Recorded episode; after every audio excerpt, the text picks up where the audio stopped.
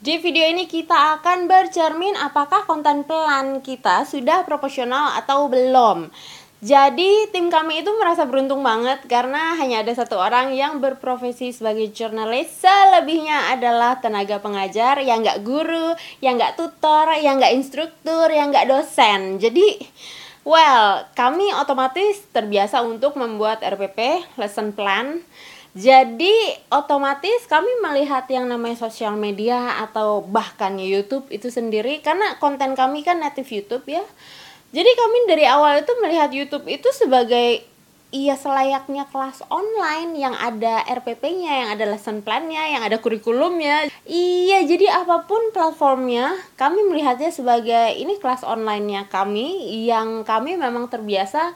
Beruntungnya kami sudah terbiasa untuk membuat lesson plan.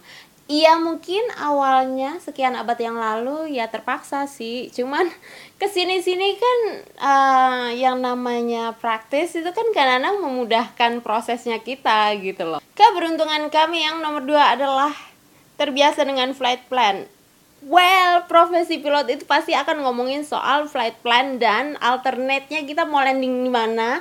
Ini ada alternatifnya enggak kalau misalkan kita nggak bisa landing di tempat itu ya kan. Jadi ada flight plan, ada alternate. Hmm. Korelasinya adalah kalau di pekan ini kami belum bisa memproduksi konten A, sebutlah konten A.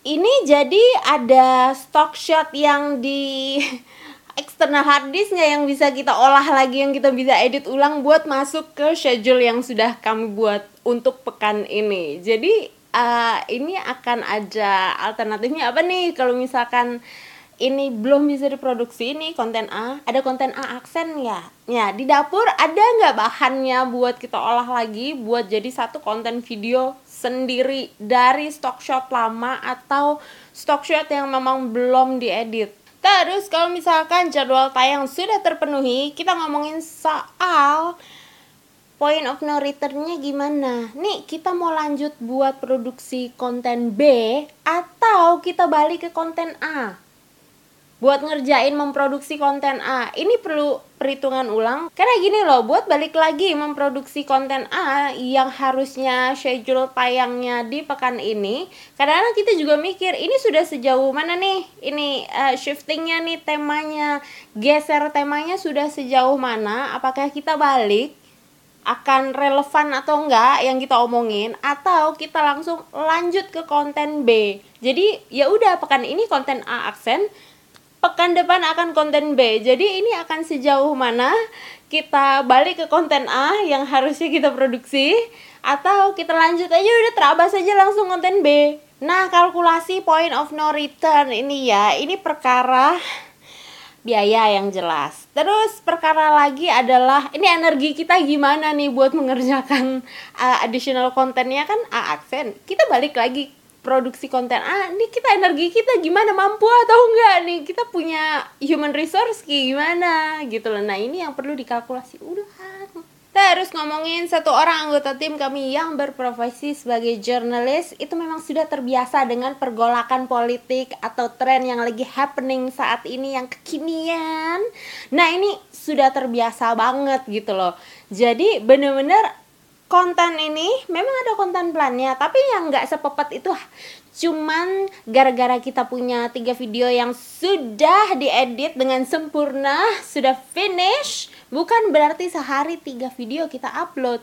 Jadi analitik itu juga perlu jeda buat mengkalkulasi ulang nih hasilnya kayak gimana untuk upload video satu ini nih ini perlu jeda waktu nih. Nah ini juga akan memudahkan kalau misalkan kita punya jadwal tayang yang schedule-nya tuh nggak terlalu rapet gitu loh. Kalau misalkan mau seminggu dua kali, ya well mungkin dalam sebulan ada yang satu pekan hanya upload satu video nggak dua video gitu loh. Atau bisa juga memang sekalian aja. Kalau yang jadwal tayangnya memang satu video per pekannya, ya udah berarti dalam satu bulan kalau ada lima pekan berarti bikinnya empat konten aja.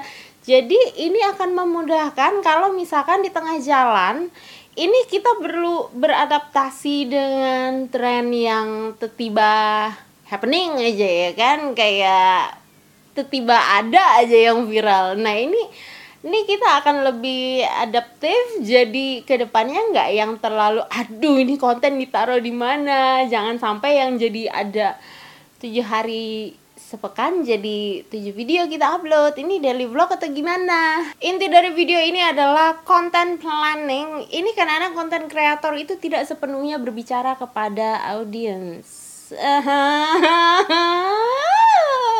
nah nah nah nah nah nah nah nah nah konten analytics itu juga selain kita berbicara kepada audiens analitik itu juga ngomongin soal ini computer learning yang mengolah analitiknya YouTube Analytics atau Google Analytics atau Facebook eh, Meta Instagram Analytics ini ini kadang-kadang kita nggak ngomong sama audiensnya tapi kita ngomong dengan computer learning. Berarti kan bahasanya komputer. Computer learning itu butuh jeda waktu untuk memproses data. Jadi nggak bisa yang terlalu rapet banget sampai nggak ada jeda sama sekali untuk komputer ini mengkalkulasikan hasil uploadan kita